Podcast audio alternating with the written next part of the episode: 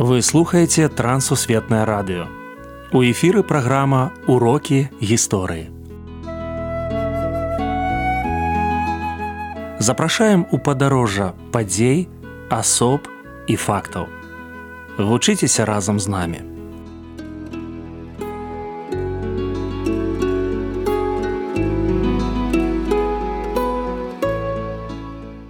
Добры дзень сябры перад мікрафонам сяржук брышцель і кандыдат гістарычных навук Андрусь унушак. Сёння мы пагаворым пра Людвіга Замінгофа і мову эсперанта. Прывітанне Андрусь. Прывітанне сяржук, прывітанне шаноўныя слухачы. Прадстаўце калі ласка нашага гістарычнага госця.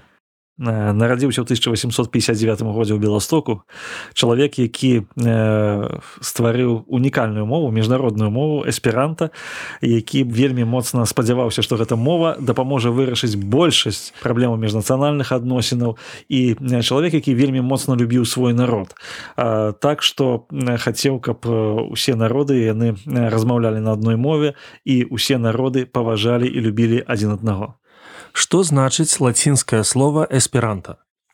Эсперанта это ну значыць спадзеў ну на пачатку ён не, ён не думаў называць так сваю мову. Ён нават абраў такі псевданім доктор эсперанта у тым сэнсе што у яго ёсць надзея у яго ёсць спадзеў на тое што будзе адна мова якая дазволіць вырашыць пытаннях міжнародных канфліктаў.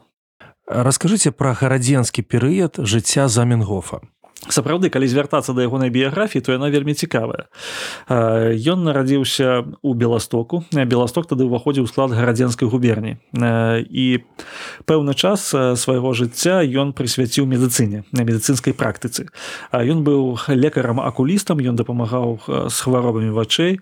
І ягонай сям'і у сям'і ягоных бацькоў было была шматдзетная. Ён вымушаны быў зарабляць сваёй працай на сваё жыццё.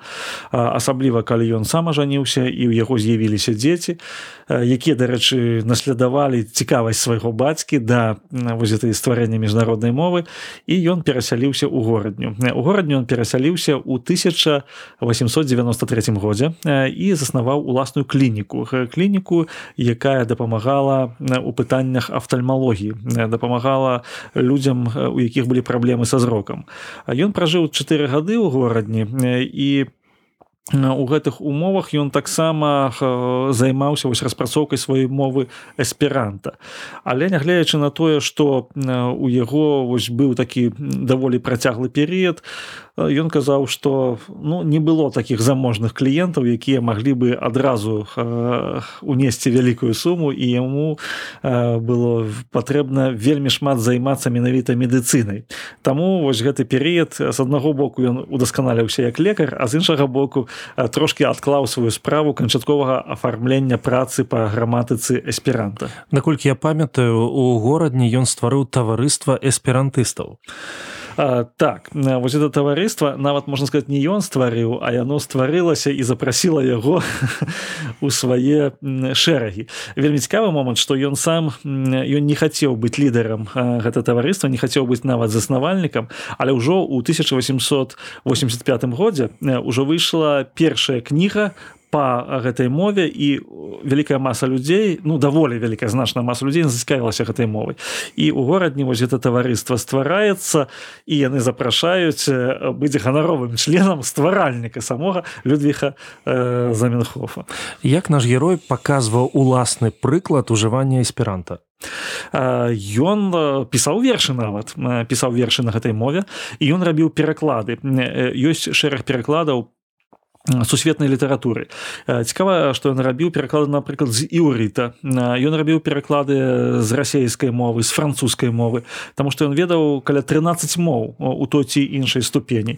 І ён лічыў што вось эсперанта гэта мова якая можа развівацца і якая перспектыўная таму можна любы твор перакласці. І вельмі цікавы момант што вершы ён пісаў на біблійныя матывы Таму што біблія гэта такі вельмі сур'ёзны кладзесь лексікі кладзесь такой паэтыкі і ён казаў калі біблійныя матывы можна перакласці на мову эсперанта значит можна мова жывая ці стала эсперанта сапраўды міжнароднай мовай безумоўна на у нейкім этапе яна ну яна міжнародная сама сама по сабе міжнародная мова.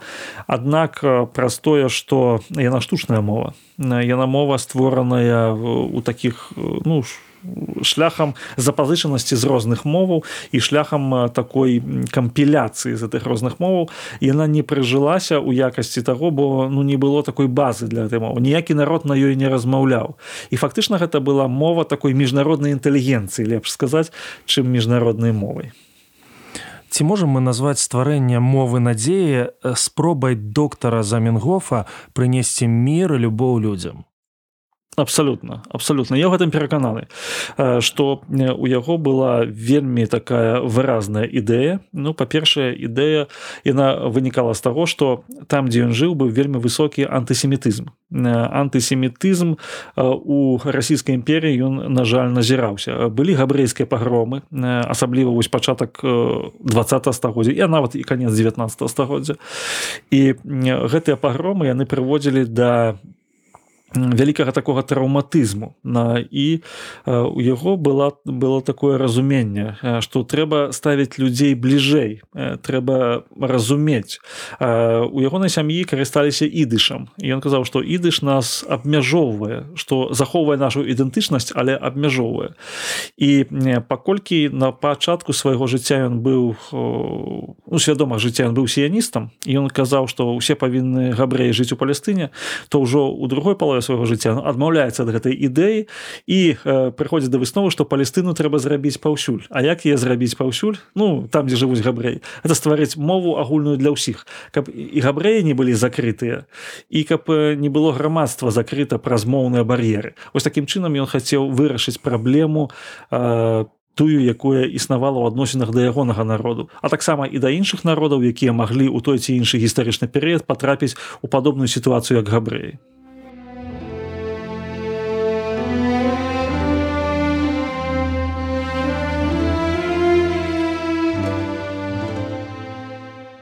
Штогод 15 снежня святкуецца дзень народзінаў эсперанта.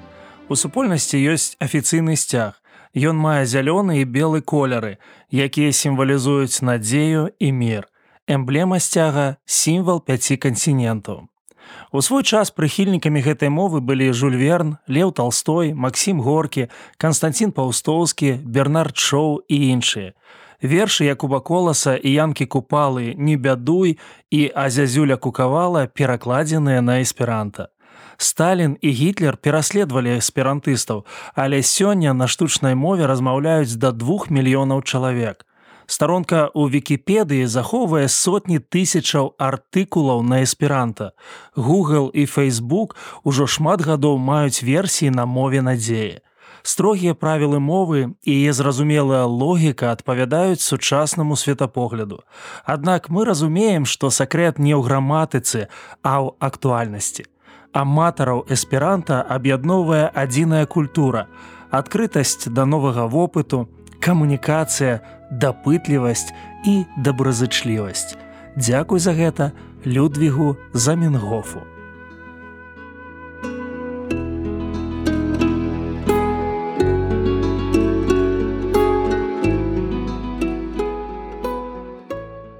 Дзякуй, што далучыліся да нашага праекту. Калі ў вас ёсць пытанні, пішыце калі ласка на адрас. Трансусветнае радыё, урокі гісторыі. Паштовая скрынка 45, індекс 22 40 20, горад Брест 20, Беларусь. Пакідаю для сувязі электронную пошту rmtwr кропка бівай, собачка gmail.com Шукайце нас на сайте twr.fm. Да новых сустрэч!